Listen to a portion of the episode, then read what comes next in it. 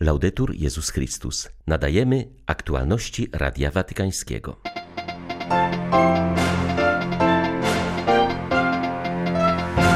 Podczas audiencji ogólnej papież zachęcał do odmawiania różańca, także poprzez włączenie się w majowy maraton modlitewny w intencji o ustanie pandemii. Mija 200 lat od śmierci Napoleona Bonapartego. Był człowiekiem oświecenia, uważał, że religia powinna służyć państwu, ale cenił przy tym jej wkład w utrwalanie moralności. Dzisiaj przypada Międzynarodowy Dzień Położnych. Ich świadectwo powinno być światłem w przejściu od demograficznej zimy do wiosny narodzin. 5 maja witają Państwa Krzysztof Bronk i ksiądz Krzysztof Ołdakowski. Zapraszamy na serwis informacyjny. Modlitwa kontemplacyjna jest jak sól życia, nadaje smak naszej codzienności. To zdanie wypowiedział papież podczas dzisiejszej audiencji ogólnej. W swojej katechezie Franciszek podjął temat modlitwy kontemplacyjnej. Można kontemplować, podziwiając stworzony świat, słuchając muzyki i śpiewu ptaków, czytając książkę, oglądając dzieła sztuki lub patrząc w ludzkie oblicze. Kontemplacja nie jest na pierwszym miejscu sposobem działania, ale sposobem istnienia. Ojciec Święty stwierdził, że bycie człowiekiem kontemplacyjnym nie zależy od oczu, lecz od serca, w którym budzi się modlitwa jako akt wiary i miłości, jako oddech naszej relacji z Bogiem. Io lo guardo ed egli mi guarda. Wpatruję się w niego, a on wpatruje się we mnie, mówił do świętego proboszcza wieśniak w Ars, modlący się przed tabernakulum. Światło spojrzenia Jezusa oświeca oczy naszego serca, uczy nas widzieć wszystko w świetle Jego prawdy, Jego współczucia dla wszystkich ludzi. Wszystko rodzi się stąd, z serca, które czuje, że jest postrzegane z miłością. Wtedy rzeczywistość jest kontemplowana innymi oczyma. Wpatruję się w Niego, a On wpatruje się we mnie. Tak właśnie jest. W miłosnej kontemplacji, typowej dla najbardziej intymnej modlitwy, nie potrzeba wielu słów. Wystarczy spojrzenie. Wystarczy przekonanie, że nasze życie jest spowite wielką i wierną miłością, od której nic nie może nas oddzielić.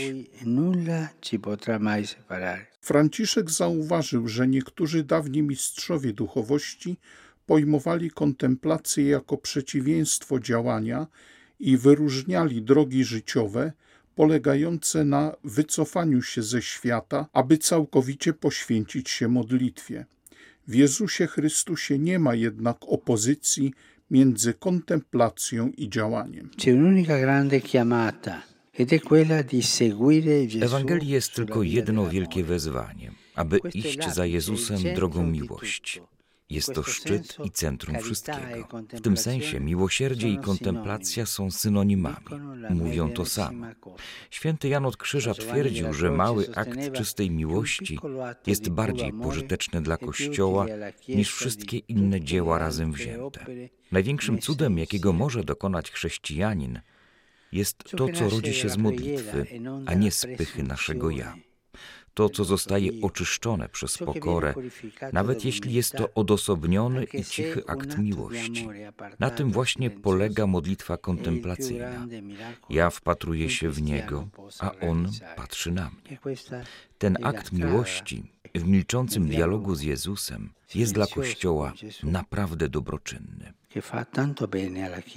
Na zakończenie audiencji papież zauważył, że tradycja ludowa poświęca obecny miesiąc maj nabożeństwu do Najświętszej Maryi Panny. Franciszek zaprosił do odmawiania różańca, poprzez który Maryja jest szczególnie czczona. Wezwał również do duchowej jedności w dniu 8 maja sanktuarium w Pompejach, gdzie odbędzie się modlitwa błagalna za pośrednictwem królowej Różańca Świętego. Pozdrawiam serdecznie wszystkich Polaków. Miesiąc maj poświęcony Najświętszej Marii Pannie jest Wam szczególnie bliski. Zgodnie z tradycją Waszych ojców gromadzicie się w kościołach, domach, a także przed obrazami i figurami Matki Bożej, umieszczonymi na placach, skrzyżowaniach dróg oraz przed przydomowymi kaplicami zapalniczkami, po to, aby kontemplować jej piękno, miłość i dobroć. Niech dziewica niepokalana wyzwoli ludzkość z dramatu pandemii oraz prowadzi waszą ojczyznę i wasze rodziny do swojego Syna Jezusa Chrystusa. Serca wam błogosławi. Ogłoszona przedwczoraj kanonizacja Karola de Foucault będzie wielkim dniem dla Kościoła w Algierii uważa arcybiskup Paul Desfraché, arcybiskup Algieru i przewodniczący Episkopatu Afryki Północnej. Podkreśla on, że nowy święty jest uosobieniem powołania Kościoła w tych krajach. Wyraża się ono w dobroci, bezinteresownej miłości i braterstwie. Zaliczenie Karola de Foucault w poczet świętych jest też powodem do wielkiej radości dla jego ojczystego kościoła we Francji, zapewnia ksiądz Vincent Feroldi, odpowiedzialny we francuskim episkopacie za relacje z muzułmanami. Jego zdaniem poprzez złożoność swego życia jest on świętym na nasze czasy. Wytycza też nową drogę misji Kościoła – mówi ksiądz Feroldi. Ten misyjny wymiar życia Karola de Foucault powinien nas skłonić do zastanowienia się, czym dla nas jest misja. Wiemy, że Karol od samego początku chciał nieść Jezusa Chrystusa, zawsze miał z sobą monstrancję. Adoracja Najświętszego Sakramentu odgrywała dla niego zasadniczą rolę, był zatem nosicielem Chrystusa. Z czasem zrozumiał, że misja może wyrażać się również w życiu codziennym codziennym, w braterskich relacjach z tymi, którzy Cię otaczają. Świadczyło o swej radości, o Chrystusie, ale w życiu codziennym. Jego misja to zatem nieść Chrystusa, Ewangelię, w dzielonym wspólnie życiu codziennym, a przede wszystkim robić miejsce duchowi Chrystusa, aby on sam mógł działać w sercu każdego człowieka. Karol bowiem zrozumiał, że to nie on ma wytyczać drogę, lecz ma pozwalać, by to drugi człowiek spotkał Boga, nie według naszych wyobrażeń, lecz na tej drodze, którą Bóg przygotował dla każdego z nas ponad 50 krajach jest dzisiaj obchodzony Międzynarodowy Dzień Położnych. W czasie, gdy w wielu krajach przeżywamy demograficzną zimę, świadectwo położnych może stać się światłem nadziei na nową wiosnę narodzin. Podczas pandemii zawsze stały one u boku kobiet i noworodków, przez co należały do osób najbardziej narażonych na zakażenie wirusem COVID-19. Katerina Maze, położna z wieloletnim stażem ze szpitala w Trydencie, uważa, że kobieta, która wchodzi na salę porodową, powinna czuć się przyjęta, szanowana, uspokojona oraz włączona w decyzje podejmowane przez personel. Nie może być jedynie obserwatorem, ponieważ jest bohaterką wydarzeń i należy wspierać ją w przekonaniu, że posiada wszelkie potrzebne umiejętności, aby poradzić sobie z porodem oraz że ta wielka siła, której może doświadczyć przy urodzeniu dziecka, będzie jej towarzyszyć we wszystkich kolejnych okresach życia mówi Katerina Maze. Nasz zawód istnieje od starożytności i powinien zostać ponownie odkryty, ponieważ odgrywa bardzo istotną rolę we wspieraniu i towarzyszeniu wszystkim kobietom oraz rodzinom w doświadczeniu narodzin dziecka, ale nie tylko. Kobiety powinny mieć pozytywne doświadczenia związane z narodzinami i macierzyństwem czego niestety nasze społeczeństwo nie proponuje. Często spotykamy młode kobiety, które chciałyby zostać matkami, ale obawa, że nie będą w stanie zapewnić bezpieczeństwa ekonomicznego swoim dzieciom, staje się bardzo ważnym czynnikiem odstraszającym.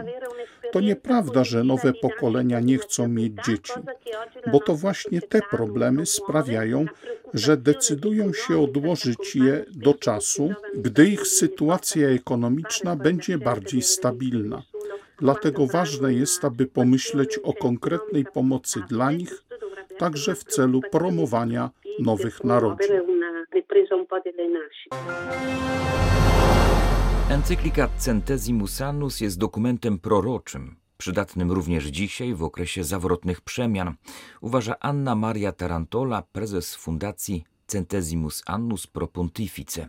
30 lat temu święty Jan Paweł II napisał dokument poddający krytycznej analizie różne aspekty gospodarki socjalistycznej i rynkowej, stawiając człowieka w centrum wszystkich procesów gospodarczych. Anna Maria Tarantola uważa, że wiele punktów tekstu jest w pełni aktualnych także dzisiaj. Wskazuje szczególnie na potrzebę uznania godności pracy i pracownika, na społeczny wymiar pracy, sprawiedliwą płacę, troskę o ubogich, których liczba wzrosła wraz z pandemią, oraz sprawiedliwy zysk. Wśród celów, jakie stawia sobie encyklika, znajduje się redukcja zadłużenia krajów ubogich oraz rozbrojenie. W rozmowie z Radiem Watykańskim prezes Fundacji Centesimus Annus podzieliła się refleksją, w jaki sposób nauka społeczna Kościoła mogłaby wpływać na wybory dokonywane przez społeczeństwa i rządy, mówi Anna Maria Tarantola. Używam trzech słów: przykład, bodziec i reprezentacja. Nauka społeczna Kościoła opiera się na kilku zasadach, które są zawsze aktualne i nie zmieniają się wraz ze zmianą kontekstu. Obecnie znajdujemy się w kontekście charakteryzującym się pandemią i cyfryzacją. Cyfryzacja zmienia sposób, w jaki pracujemy, w jaki odnosimy się do innych, w jaki żyjemy. Jednakże w tym świecie, również dotkniętym wirusem, Podstawowe zasady są nadal takie same: centralne miejsce osoby, dobro wspólne, solidarność, pomocniczość, sprawiedliwość i miłosierdzie. Dlatego uważam, że katolicy, którzy inspirują się tymi zasadami, powinni je stosować w praktyce w swojej codziennej działalności.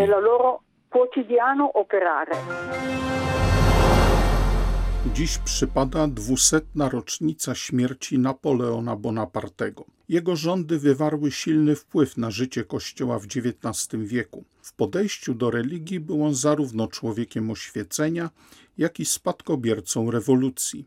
Nade wszystko zależało mu na przywróceniu pokoju poturbowanym przez rewolucję kraju, co wymagało uregulowania relacji z Kościołem katolickim mówi Radiu Watykańskiemu francuski historyk Jean-Pierre Chantin, specjalizujący się w relacjach państwo-kościół za czasów Napoleona. Przypomina on, że głównym wydarzeniem jest tu zawarcie konkordatu między Bonapartem i Piusem VII w 1801 roku. Napoleon Bonaparte to człowiek oświecenia. W jego pojęciu religia ma służyć państwu. Słynne jest jego powiedzenie, które dobrze wyjaśnia jego postawę. W religii nie widzę tajemnicy wcielenia, lecz porządek społeczny. Kult jest zatem dla niego narzędziem politycznym. Nie był w tym odosobniony. Jest to podejście typowe dla Europy oświecenia. Wystarczy wspomnieć o józefinizmie w cesarstwie austriackim, a zatem religia, a w pierwszym rzędzie Kościół katolicki stają się narzędziem władzy.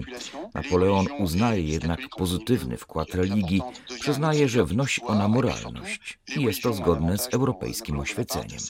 Ale Napoleon jest też kontynuatorem rewolucji. Nie zamierza rezygnować ze zdobyczy rewolucji, takich jak świeckość państwa, wolność kultu, a przede wszystkim nacjonalizacja dóbr Kościoła.